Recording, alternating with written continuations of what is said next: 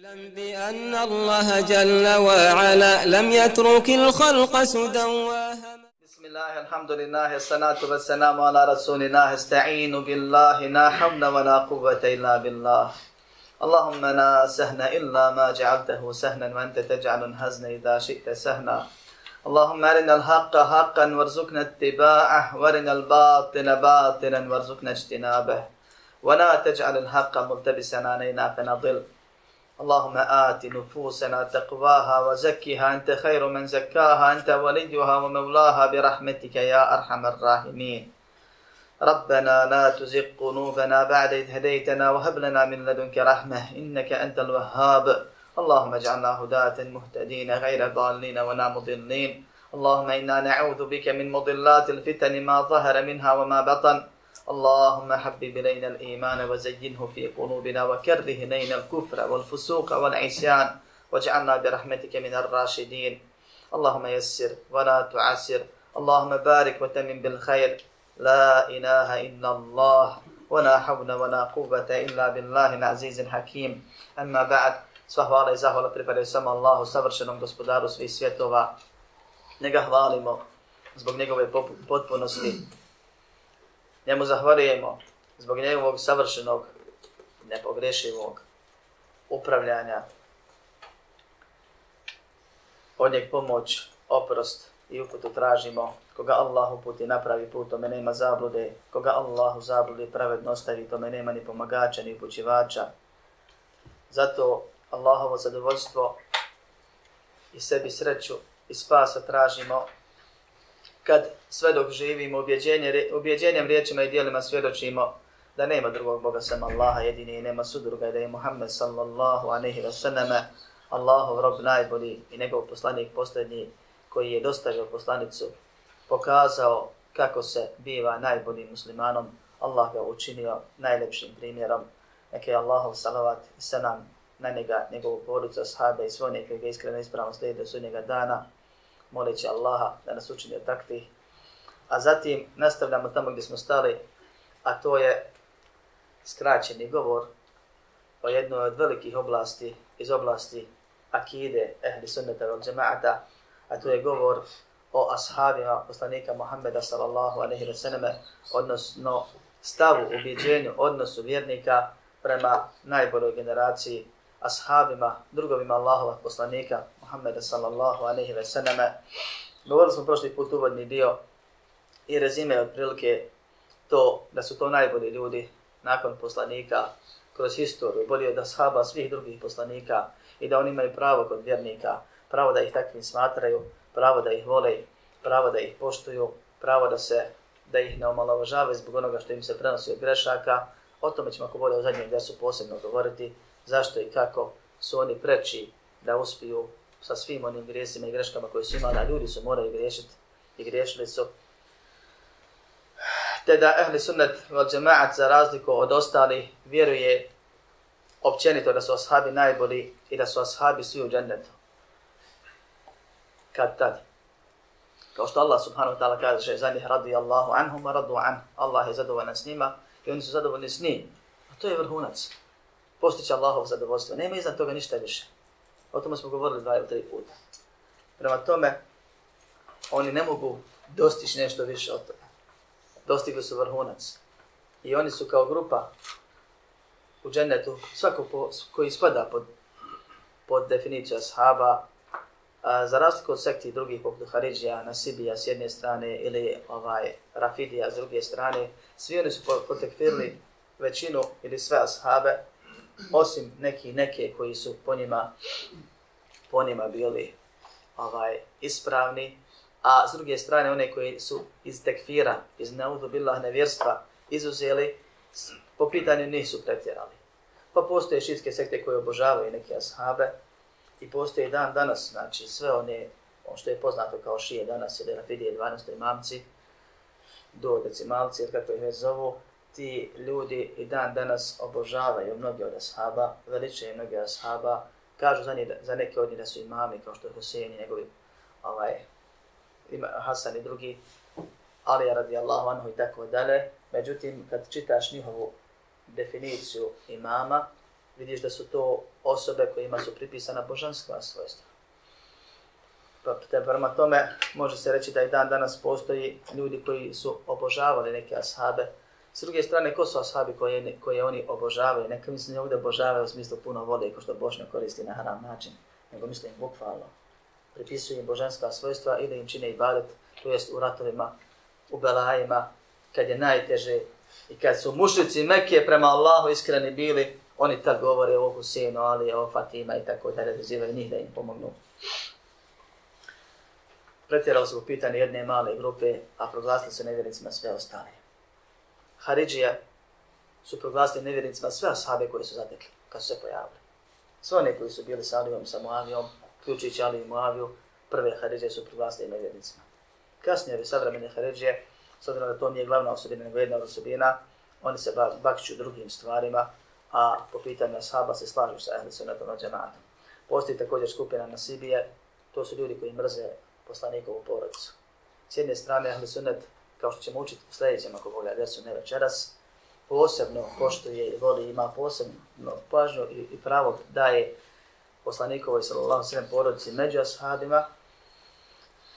Rafidije pretjeruju po pitanju poslanikove porodice, a Nasibije su ljudi koji mrze općenito većinu ashaba ili sve ashabe, a posebno su ovaj se namili na neke od članova poslanikove sallallahu sallam porodice Hulbeta, tako da sekti bilo je biće po svakom pitanju puno, nas zanima ono što je ispravno, ono što je umjereno, jer je umjeri, to jest u Allahovoj neiskvarenoj izvornoj vjeri, koja je objavom, objavom dokazana i od strane prve generacije koja od Allaha pečatima pri, primijenjena, tako shvaćena i kao znači primjerom do sudnjeg dana onome ko pravi put hoće ostavljena, e to je umjereni put, a uvijek i, i to je sredina, a sve ostalo su skretanja, bez obzira koliko nekom bilo nešto blago ili žestoko, ili on se našao između druge dvije krajnosti pa misli da je u sredini, nije sredina ono što ti misliš, nije sredina fizička sredina, to jest u nekim drugim situacijama dunjaločkim, sredina je istina između svih krajnosti na koju dokaz iz objave upućuju, a ne bit u sred jedne ili više krajnosti, ili između istine i zabude koja je otišla u krajnost. Došli smo do toga, nakon što je zaključeno da su ashabi u džennetu, spominjali smo da postoje grupe kojima, su obećan, kojima je obećan džennet ili spas od vatre. Pa smo rekli da među njima ima bodih u odnosu na drugi, vrijednije u odnosu na drugi. Da prvi muslimani nisu ko oni kasniji koji su primili islam, iako su svi ashabi. I spominjali smo hadis koji je jako bitan na tu temu i koji treba i nama kasnije o, o, o udjelivanju na Allahovom putu, odnosno kako je Allahu poslani sallallahu alaihi zemlji skriptova Khalid ibn Velida ashaba, uglednog ashaba, zato što je, da kažem tako, dirao onog iz prvih generacija među njima. Pa smo spomenuli da neće ući u vatru niko koji je dao prisegu pod drvetom. Bejao zadovoljstva, ko što je spomenuo, za oni za koje Allah kaže da je zadovoljan s njima, da je Allah oprostio stanovnicima Bedra, da su muhađeri bolji od Ensarija i tako dalje. Nakon toga šeh prelazi na pojedinačne detalje i kaže sljedeću rečenicu, mi smo je spomenuli na prošli put. ويشهدون بالجنة لمن شهد له رسول الله صلى الله عليه وسلم كالعشرة وثابت بن قيس بن الشماس وغيره من الصحابة. Kaže, oni, to je pravi vjernici, neiskrivljenog vjerovanja muslimani, pripadnici sunneta, ste iskreni, ispravni i ustrajni sljednici Muhammeda sallallahu alaihi wa sallam, o takvim knjiga cijela govori, svjedoče da će u džennet. Svako onaj kome je poslanik sallallahu alaihi ve selleme posvjedočio. Imam Tahavi u svojoj akidi spominje malo drugačije,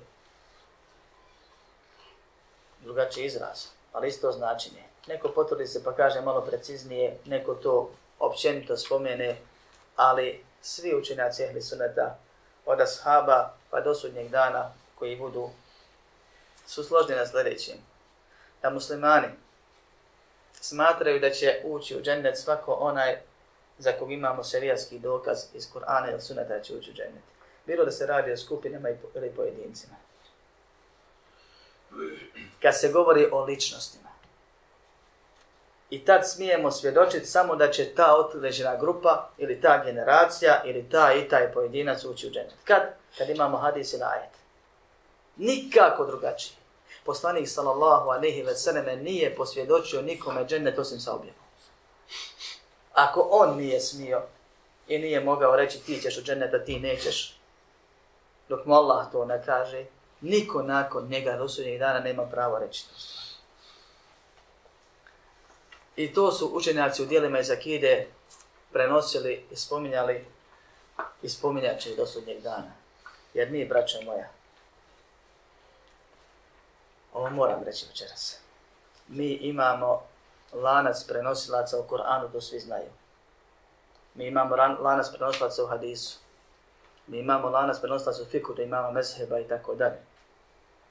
Mi, braćo moja, imamo lanac prenosilaca u vjerovanju koji seže poput onog u Koranu i hadisu ni manje ni više nego do Allaha uzvišenog.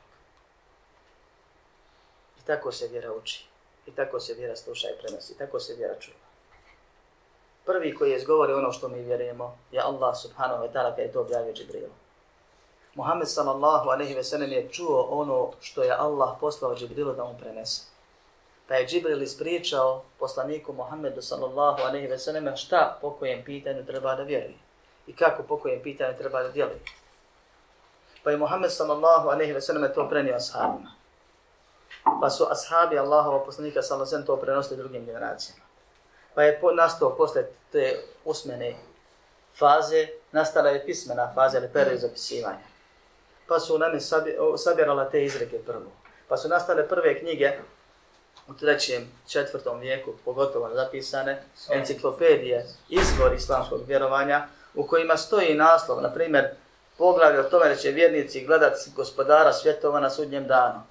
Nakon toga slijede odmah ajeti, pa hadisi, pa izreke njihovih predhodnika, koji su bili blizu njima.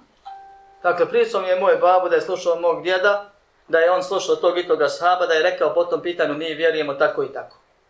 I to je lanas. Pa je taj lanas zabilježen u knjigu. Pa su nakon toga te knjige čuvane, izučavane, pismeno i usmeno. Od šehova do neme, kao što su prethodnici učili usmeno. I svaki od imama, od učenjaka poznati, se trudio da ostavi ili u kratko sažetak, ili da napiše nekakvo kapitalno dijelo iz islamskog vjerovanja, ono što je on naučio, da iza sebe ostavi svoje vjerovanje. Pa su bilježali. I to dan danas radi. Iako je sve zabilježeno. Ono što karakteriše te knjige, te knjige, su u početku bile kratke i jasne. Vjerujemo tako, tako, tako, tako, tako. Neko to napiše na 5-6 stranica, neko napiše u stotinu dvije, s ono tome koliko dokaza spomenu, neko bez dokaza samo napiše šta vjerujemo, dok se nisu počele pojavljivati raznorazne devijacije po raznoraznim pitanjima. Kad je nastalo neko novo skretanje, ta ulema koja ga doživi, koja ga dočeka na braniku ove vjere, bi onda detaljnije razrađivala to pitanje. Pa imaš u nekim u starijim knjigama tevhid.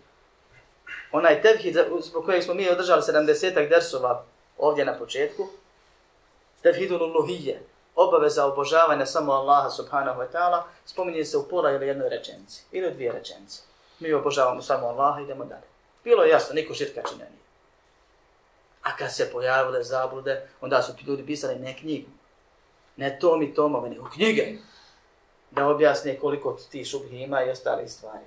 Pa zato vidiš o Tevhidu priča malo, a tamo o sahabima, na primjer, priča puno, to što se u njegovo vrijeme pojavilo oni koji vređaju, koji tekfira sahabe i tako dalje. I zato sadašnje knjige iz akide, Boga mi su pozamašne. Veliki. Ko hoće da opiše čitavu akidu, mora osvaćamo da piše. Ili su sažeci, kao što ovo je sažetak, koji mi komentarišemo dugo. Pa kad bi neko napisao ovaj komentar, ispalo bi to opet puno toga. Zašto ovo govorim? Zato što je bilo i ostalo. Običaj onih koji su na krivom putu da ubacuju sumnje po pitanju naše ispravne ehlisunetske akide. Nedavno mi je došlo pitanje da li je vasidijska akida, akida selefa, jer meni učen čovjek tvrdi da nije. I rekao mu je, nemoj pitat, kaže one što je promoviraju. Jer će on te ubijeti s dokazima. Pa Samo nije on to rekao. Naravno. Ovaj, isto sam ja stvar dobio 2004.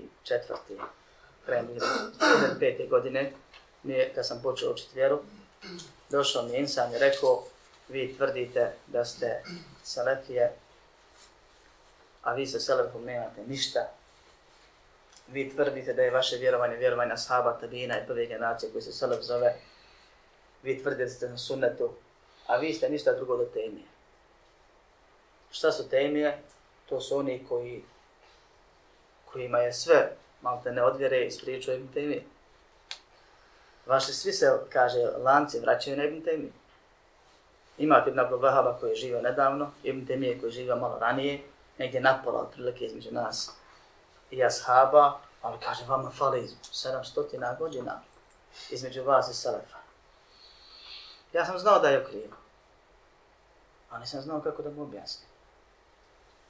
Pa je, moleći Allah da ga nagradi i uputi bio sebe da budem ovo što jesam po pitanju ovog što znam. Da krenem učit akidu iz početka. Da tražim ja jedan moj ahbab, knjige gdje god možemo kako knjigu kupiti, staru knjigu. Pa smo tad za manje od godinu dana sabrali, hvala Allahu, uglavnom pročitali preko 37 knjiga od drugog, odnosno trećeg do sedmog stoljeća, gdje smo dokazali u svakom stoljeću makar po dva, tri autora koji nisu živjeli blizu, nisu živjeli zajedno, ili jesu učili jedan od drugog, a svaki je opisao, znači, jedan žive na početku, jedan na sredini, jedan na kraju vijeka, ili na početku, ali bili su savremenici. I onda mu dođem i kažem, ti si upravo, dijelimično Ibn Taymiye je jedan veliki plagijator, sve što on vjeruje, pokrova od drugih prepisao, a i oni su isti taki. I oni su isto to uradili, i oni su od svojih i svojih i svojih, tako to nekako do ashaba dođe, da ga Allah nagradi što je bio razlog da mi imamo to i to je zapisano, to Olema zna, sam ja tad nisam znao, pa sam se potrudio, ovo nisam govorio, nikom ne bih govorio, da se nije počela ponovno širiti ova stvar, pogotovo sa reklamiranjem prevoda knjige Vasitijska akida, pa neko ostane zabilježeno. Imamo lanas do Allaha, gospodara svijeta, onom što vjerujemo. Možemo dokazati ajetima, hadisima, govorima, saba, tabina, tabi, tabina i svih drugih nakon njih. Ne znam ja to sve sad možda, ali ti mogu naći. Ima, imaju učenjaci koji ti mogu donati iz svakog vijeka da je neko nešto rekao i da ima prethodnika u tome do poslanika Muhammeda sallallahu alaihi wa To nema niko osim ehli sunneta. I hvala Bogu ti vranci se vraćaju na ovdje. U većini stvari. Jer nama je dokaz izvora akide su objava, ajet i hadis, a dokazi u akide su tri stvari. Ovo napominje, sam ovo govorio na početku. Nepobitni dokazi u akide su tri stvari. Koji je treći? Ižma. Ižma. Složila se u nema. Zato što Allah garantuje za njih u Koranu. I poslani sa svemu hadisu. Da se umet neće složiti na zabludi i da onaj ko bude slijedio put koji nije put vjernika, to je ono čemu su vjernici prije njih, da je u džehennem. Da je zaradio džehennem. To Allah kaže u Koranu, ko što su renisa. Pa je ono na čemu se složi u nema, istina, jer bi to zna, uprotivno značilo da su muslimani u jednom periodu svi na zapad, da se izgubio jedan dio vjere, a Allah u Koranu kaže će vjeru čuvati nemoguće da se izgubi. Ovo će nam drad malo kasnije. Zato šeheh kaže, svjedoče džennetom, ili da je u džennetu svako onaj kome je poslanik sallallahu alaihi sallam posvjedočio, ovdje se odnosi na ličnosti. Bilo grupacije ili pojedince. Isto tako mi svjedočimo svakome po opisu da će u džennet. Kao što Allah kaže, da oni koji vjeruju dobra djela čini bit će u džennetu. Ajeta puno inna amanu wa amilu salihati lahum jannatun na'im ili drugi ajet. Inna alladhina amanu wa amilu salihati kanat lahum jannatun firdausi nuzula. Ima ajeta puno u Kur'anu, oni koji vjeruju dobra djela. Na primjer, to je jedan primjer. Ili za džennet kad kaže u sura Al-Imran uiddat lil muttaqin, pripremljen za bogobojazni. I mi kažemo svako ko umre ko bogobojazan, ići će u džennet. Ali to je opis. Tu nisam rekao ni pojedinca ni grupu, nego opis. I mi se trudimo da budemo od tih ljudi koji su opisani tim osobinama i da tako živimo i tako presilimo kako bismo dobili to nagradu. I to nije sporno, to, to je lako. Problem je kad sa, sa pojedinca se kaže da je u džennetu. Ili grupu se kaže da je u džennetu. Ovo će nam treba isto kasnije, jer nakon ashaba dolazi poglavlja o evlijama, pa da naučimo koje je evlija, koje ima, kako se postiže, smije se za koga reći, i tako dalje. Allah o tom potom ako Bog. Nakon opisa, kad su pitanju znači, ličnosti, pojedince i grupe, postoje grupe, postoje podgrupe, postoje pojedinci imenom i prezimenom koji su obradovani džennetom još do sa života ili nakon smrti i takvi si sigurno u džennetu, jer zato imamo dokaz iz objavljenja. Poslani sam sam kad kaže, on govori po hiru svome, već je to objava koja se objavljuje, Allah subhanahu wa ta'ala nije ove stvari ovako spominjao kad su pitanje pojedinci, ali jes na primjer spominjao grupe kao što su oni koji su dali prisegu pa Allah kaže s njima zadovoljan ili ashabi Allah kaže s njima zadovoljan i tako dalje tako dalje.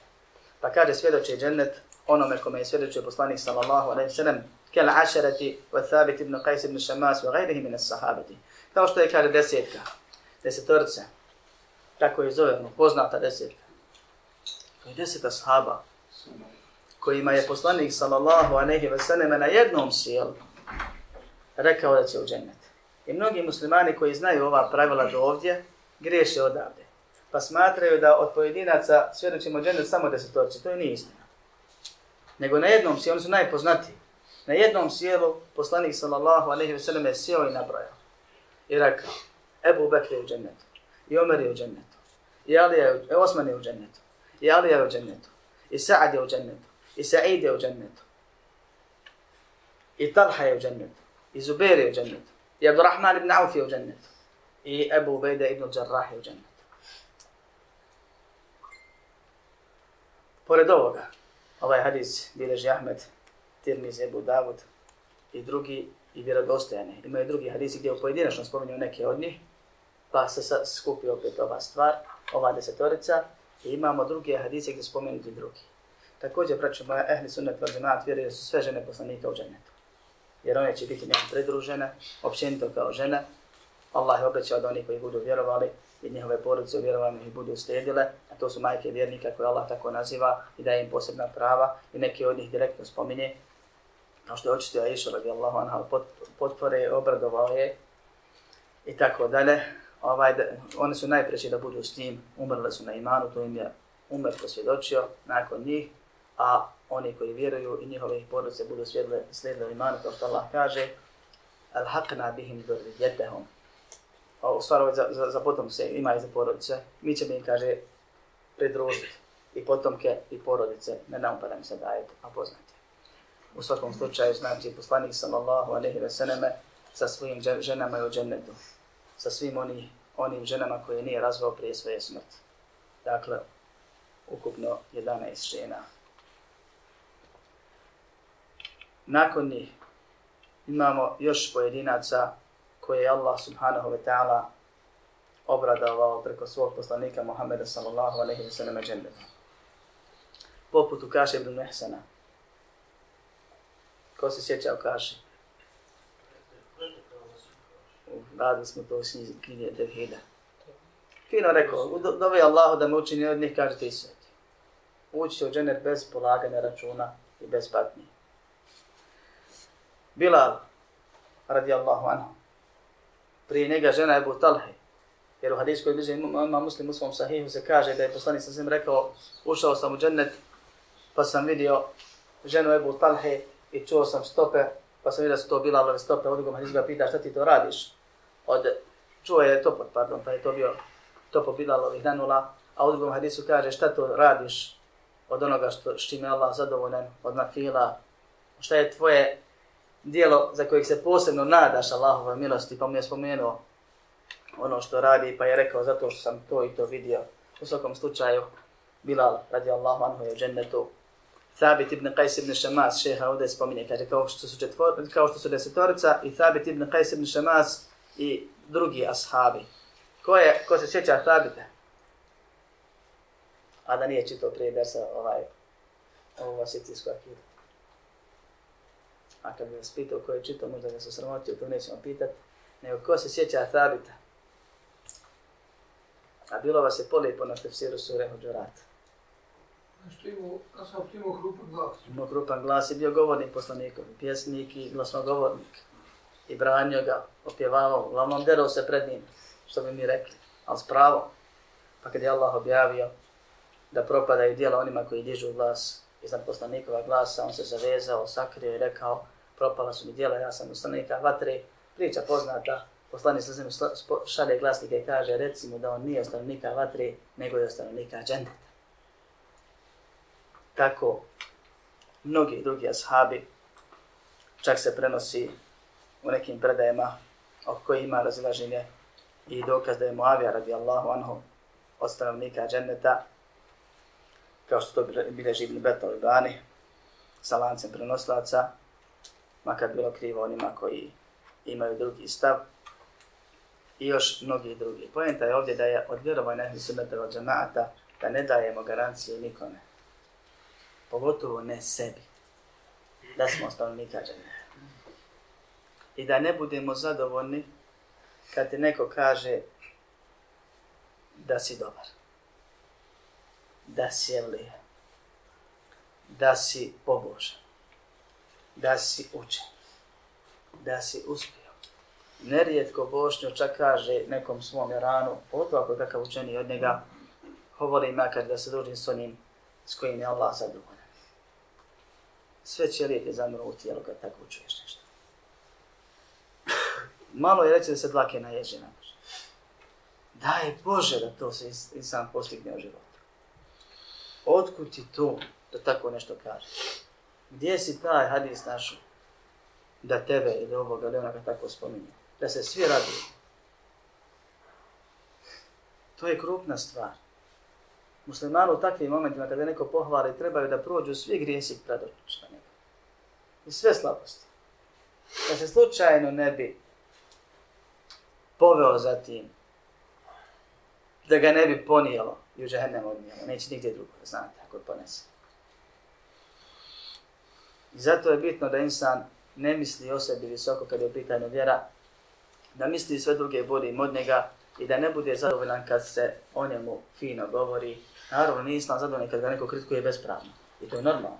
Ne mora biti zadovoljan neko na tebe laže kako se loš u nekim stvarima. To je uvrada, to smeta, to je prirodna stvar. Poslaniku se ne smeta.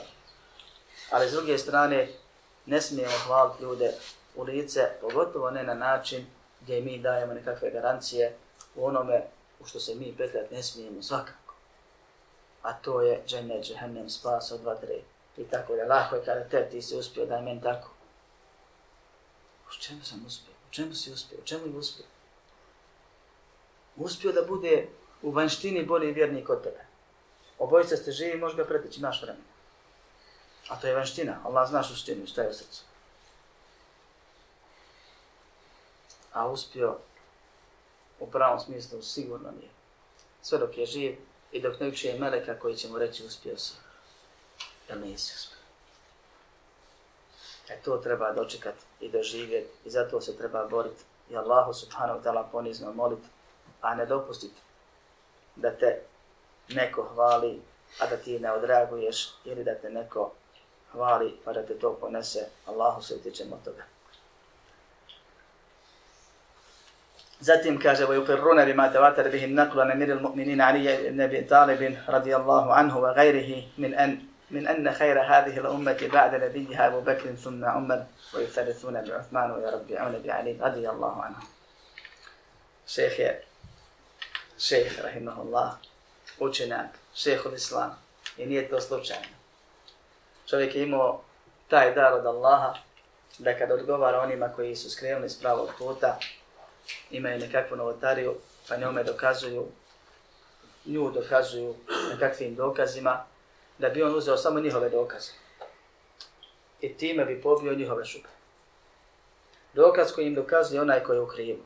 Može biti vjerodostojan, ali pogrešno svaćen, a pogrešno nezastavljen. Ili izmišljen slab, neispravan. Ili nekakva logika koja se suprostavlja sa postojećim već vjerodostojnim dokazom pa uzme njihove dokaze pa kaže ovo je izmišljeno, ovo je ništavno, ovo je slabo, znači ovo ti nije dokaz, ostavi to za sebe, a onda uzme one vjerodostojne dokaze i samo ih stavi gdje jesu. I kad ih vrati gdje jesu, onako kako su prethodnici nam prenijeli i dokazivali tim ajitima, automatski odgovorio. Prvo oduzeo mu je dokaze na taj način, da to nije dokaz, a zatim je, obično je to bude na suprotnoj strani, nego je pitanje njegovo razumijevanje dokaza. Pa on misli jednih da dokazuje ajetom, a on dokazuje svojim svatanjem ajeta. Pa kad mu pokažeš na što se ajet odnosi, automatski je izgubio dokaz. I onda se uzme ako imaš to logičnih dokaza i uporedi sa tim vjerodostojnim kojima se dokazuje istina, pa ako su u skladu dobro jest, ako nisu, pa ono što Allah kaže ne može nikako biti slabije ili ravno onome što ti smisliš, kogod da se upita. Nego tvoja logika ostaje opet tebi, a istina je ono što je Allah subhanahu wa ta'ala objavio. Isto imao znači ovaj do, dar u stilu i odgovaraju, da mu naumpadne nešto što možda nekome drugom ne bi naumpalo. Pa ovdje kaže, oni potvrđuju sve ono što je došlo mu tevatir putem ima dakle sa puno lanca na prenoslaca gdje se ne možu usložiti na lažima i tako dalje. Od Alije radijallahu anhu i drugih. Če mogu reći ono što nam je preneseno od sahaba, tabina i tako dalje. Nego ovdje spomenu ono što najviše boli onoga koji je na suprotnoj strani. Ljudi se slomiše da dokažu da je Alija bolji od Ebu Bekra i Omera i on kaže od Alije se prenosi da je rekao boli najbolji su Ebu Bekra i Omer. Kućeš da, ništa mu više nije ostao. Sve što je dokazivo, čovjek zbog kojeg se borio, mu pobio. I zato je spomenuo njega, a zatim ostali. A ostalih ima puno, evo čitava nauka o ovome. Mi smo imali čitav predmet samo ashabima i imametu. Kaže, i drugi da je najbolji od ovog umeta, dakle prenosi se od Alije, motivator putem i prenosi se od drugih, puno lanaca ima, šta? Da je najbolji od ovog umeta nakon poslanika Muhammeda sallallahu alejhi ve selleme Ebu Bekr, zatim Omer, a zatim kaže smatraju na trećem mjestu Osmana, a na četvrtom Ali radijallahu anhu, kao što na to ukazuju predaje i kao što su se kaže složili ashabi da daju prednost Osmanu medalijom u prisegi. Pa kaže, dokaze su sljedeća stvar.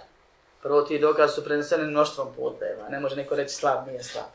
Drugo, prenose se od dalije dio tih predaja. A predaje dokaz, ništa kaže ovaj jedan. Treća stvar.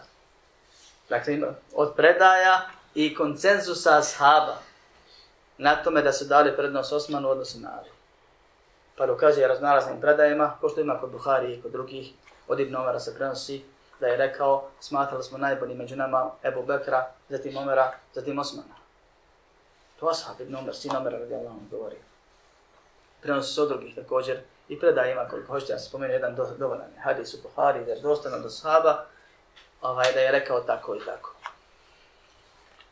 Kaže, Isto tako se prenosi izma ashaba da su izabrali Osmana u odnosu na Aliju kad su birali halifu. Zašto nam je ovo bitna stvar? Među najbitnijim i najjačim dokazima, iako nije objava. Prvo to što nije Allah i poslanik sam se ništa objavio po pitanju toga ko je bolji nakon njega, direktno ovako imenom i prezimom po redoslijedu. Ovaj, nego su objavljene druge stvari, odlike, fadileti, što bi mi rekli, pa na osnovu toga su ljudi. Drugo, zato što su ashabi složili I nije na, među njima bilo pobune, nego je to izmišljeno kasnije da se neko ko biva bunio, nekom zulom učenje, nekom nije, a ta isti je govorio. Suprotno onome što ovi najda sad izmišljaju. Treća stvar, zato što je kod ashaba bilo običaj da, kad su govorili za Ebu Bekra, ono što je presudilo u izboru Ebu Bekra, je bilo bio zadovoljan, poslanik sam zemlji bio zadovoljan da nam on predvodi ahiret, pa neka nam predvodi i dunjalog. Drugim riječima, kod nas predvodi u namazu, nek nas predvodi u državi. A u namazu se bira najbolji. A poslanik sam zemlji poručio da Ebu Bekr predvodi u namazu. To im je bila otprilike pravila. I spomenuli su to i tako su izabrali. I zato kad je Osman biran, obišli su ta kako reći, komisija, da je tako nazovemo, kaže, nismo ostavili nijednu kuću u Medini, da nismo pitali, svi su rekli da je Osman preći pa su obišli i izabrali Osmana. Nakon toga je izabran Alija radijallahu anhu, nakon koji je izabran, posle se desile fitne. O čemu priča ova stvar uopšte? Koji, ja sam rekao, mislim, prošto sam, ali ne znam da li vi shvatate. O čemu mi sad pričamo? U čemu su bolji Osman Alija preći? A? Vjerovanje. Da. Ovdje se ne govori o hilafetu, nego se govori o tome, o odlikama njihovi, koji je bolji vjernik, koji je bolji među muslimanima bio, koji je bio ugledniji, da tako kaže. I muslimani su složni, svi do jednog, da je nakon poslanika sasvim najbolji je bio Ebu Bekr, a zatim Omer. Nakon toga se različite na četiri mišljena. Kad kaže muslimani, muslimani prije pojave sekti. A oni nakon toga su svakako obavezni slijedi na čemu se složili muslimani prije njih. Jer ne može neko doći reći ja sad znam nešto što ne zna niko, ni Muhammed ali i ni ashabi ni tabini. Ako dođeš nečim novim kao da si to rekao. Ashabi su se složili da je Ebu Bekr i Omer, Ebu Bekr pa Omer.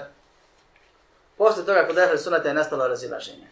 Većina učenjaka je bila na tome, i dan danas je na tome, većina učenjaka da treći čovjek po vrijednosti u ovom umetu je Osman, a četvrti Ali, to je šeh spomenuo ovdje. A zatim je spomenuo sljedeći. A kaže, ima i neki od ehli suneta koji su se razlišli po pitanju Osmana i Ali. Nisu se različili po pitanju Ebu Bekra i Omera. Ne bi se različili po pitanju Osmana i Ali. I zato se prenosi od Sufjana da je rekao, ko bude smatro Aliju boljim od Ebu Bekra ili prečim, ta je ponizio, uvrijedio ashabe. Oni su se složili. Završena priča. Kaže, neki od da se razli po pitanju Osmana i Alije, u čemu, braćo moje? Napominjemo, vrijednosti. A ne ovo hilafetu, to bit će tema kasnije malo o tome ko je preči da bude halifa. To je potpunosti druga tema.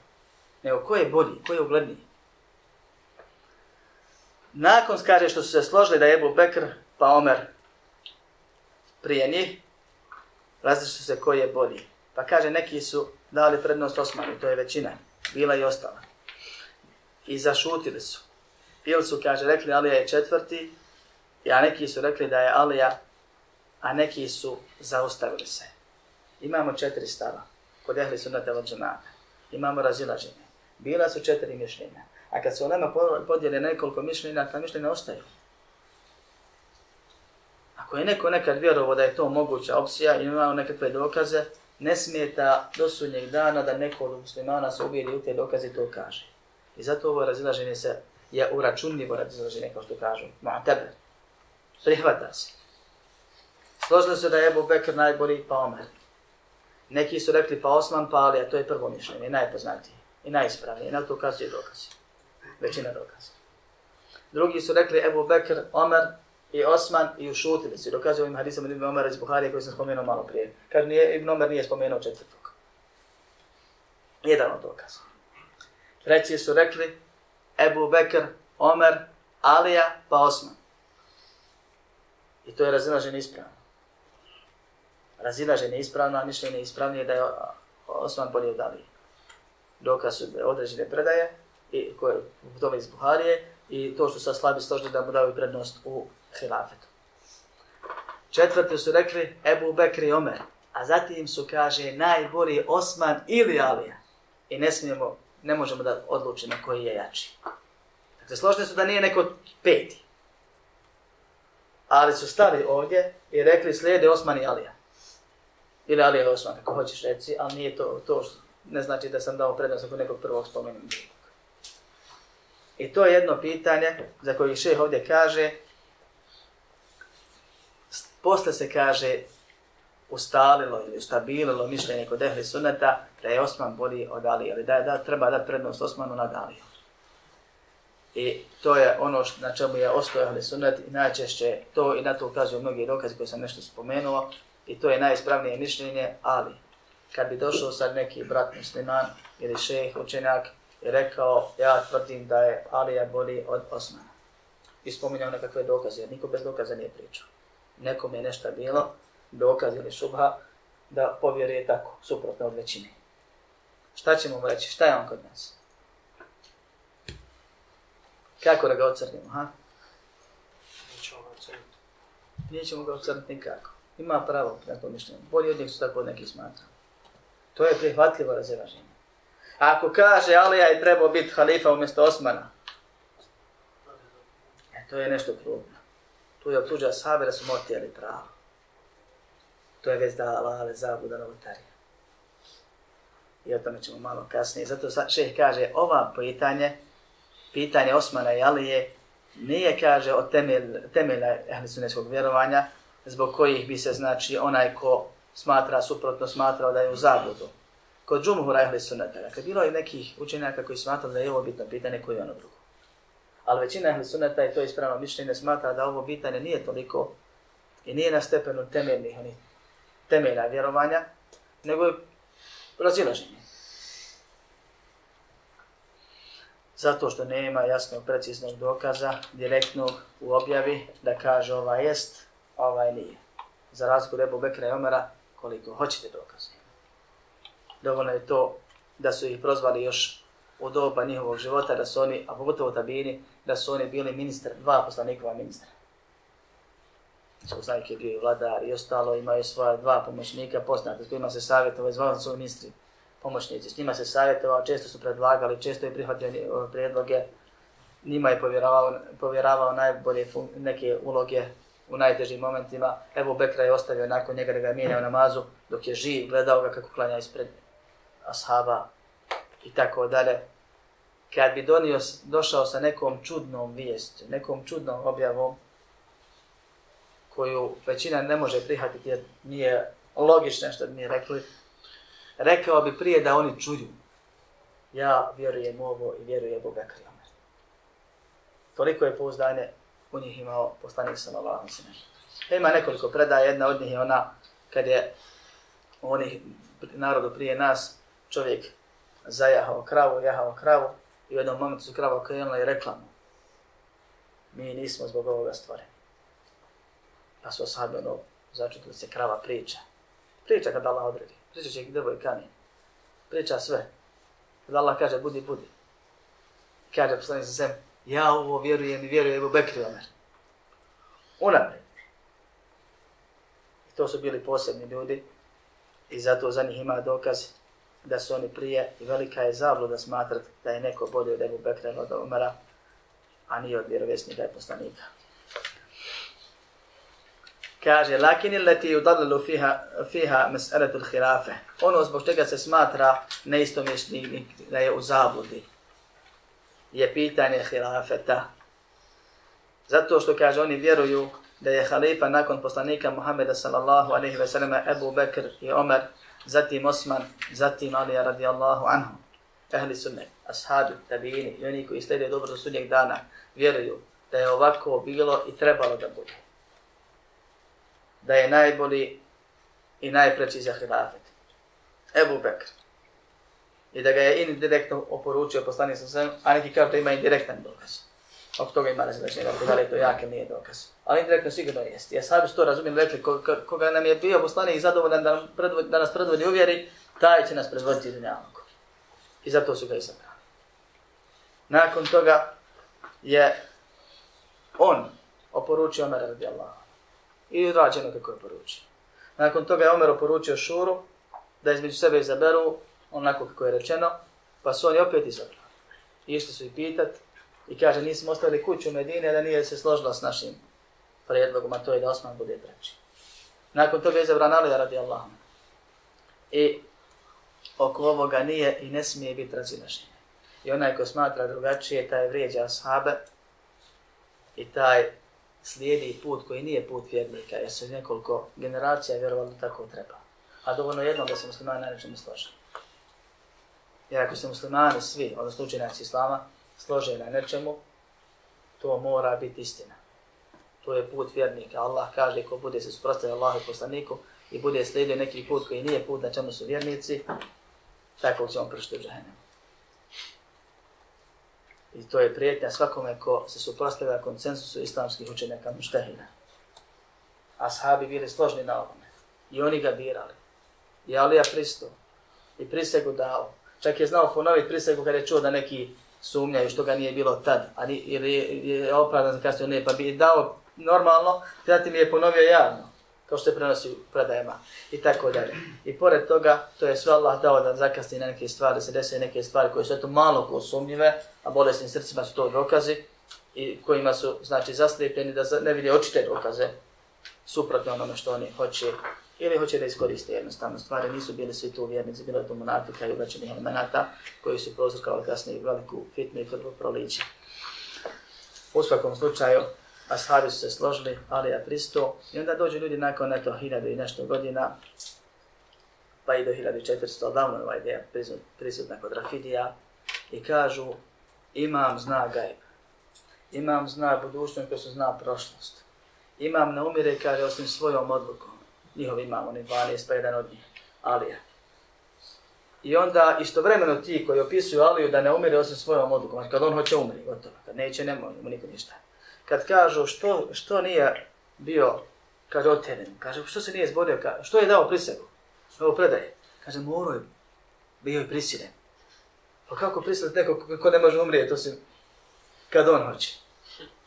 Kod nas, hvala Allah, se vjerovanje poklapa u svim segmentima. Mi ne kažemo ovdje vjerujemo ovako, a ovdje vjerujemo ovako i ubismo se dokazivajući za jedno i za drugo, a jedno drugo pobija. Kod nas, hvala Allah, toga ne. Ako svi sekti ćete naći, kad se zapetlje tamo nekom detalju vezano za nešto gdje, gdje su puno skrenuli, pa neki detalj dokazuju, da tim detaljem i tim dokazima pobijaju detalj ili čitavo temelj neki u drugom dijelu islamskog vjerovanja. Alhamdulillah, hvala Allah na oput. I zato šeh kaže da onaj ko smatra suprotno ovome, da je u zabludi. Zatim završava rečencu ومن طعن في خلافة أحد من هؤلاء الأئمة فهو أضل من حمار أهله I zato kaže, ko bude prigovarao, ko bude sumnje bacivao, ko bude kontrirao ovom redoslijedu, ko bude sumnječio ili e, neispravnim smatrao ispravnost hilafeta nekog od ovih četiri imama, prvi imami naši, ali imami prethodnici, a ne imami ne bila bogovi kod nekih. On je kaže, ovako šeh kaže, pa moram ja prevest onako kako znači, po jezičkoj kulturi, a ne doslovno, on je glupli od magarca svoje porodice ili od domaćeg magarca. I to je isto. U veću je, kaže, zabludi, više je zalutao, više je skrenuo, odnosno ovdje se aludira na, na, na glupost nego magarac koji je poznat kao najgluplja životinja, kad komentaru spominju to opisu što je spomenuo magarca, zato što je poznat kao takav. I opet, pored toga, onaj ko ove osjećite dokaze neće da prihvati i namjerno hoće da kontrira, izmišlja i sam sebe zapetljava i sam sebi nogu podneće kad jedno dokazuje, drugim se pobija i tako dalje. I pored toga ustrajava na tome i izmišlja nekakve stvari i hvata se za pol prilike. Nije ni prilika kako treba. Kad vidite njihove dokaze, čovjek ne zna bil se smiju od blako. Plačeti se što dokazuje zabludu. I plačeti se što insan koji mala dao pamet ovako razmišlja. A s druge strane, brate, smiješno. Smiješno da čovjek napiše ili priča i dokazuje nečim što djetetu malom da pričaš ne biti povjerovao. Ne ide tako. Nema, nema smisla, nema logike, nema, nema dokaza uopšte u tome što on govori. Nije dokaz šarijski. Mi, mi vjerujemo u puno stvari koje nemaju logike. Ali zato ima objava. Objava je preča. Ali ovo ni objavi ni pameti. I opet ljudi znači dođu i dokazuju, objeđuju, pišu. Nije stid pisat knjigu. Ostaviti za sebe. Jer kaže poslani sa svim ko se ne stidi ne radi šta hoće. Ako me Allah uzme u putu, uzeo mi je pamet, vjerujte. Možem biti inteligentan. Ali tamo gdje treba, kod očiju ne vidi, kod duši ne sluša, ne čuje, jer je srce slijepo. Molim Allah subhanahu wa ta'ala da nas uputi na pravi put učustine, da nam poveća ispravno vjerovanje, razumijevanje vjere, da nas usmrti na istini i proživi s onima koji su na istini, da nas pomogne da dok živimo, njega radi sebi i drugima dobro činimo, a kad preselimo na smrtne muke, budu zadnje muke koje osjetimo. Amin. Walhamdulillahi rabbil alamin. اعلم بأن الله جل وعلا لم يترك الخلق سدى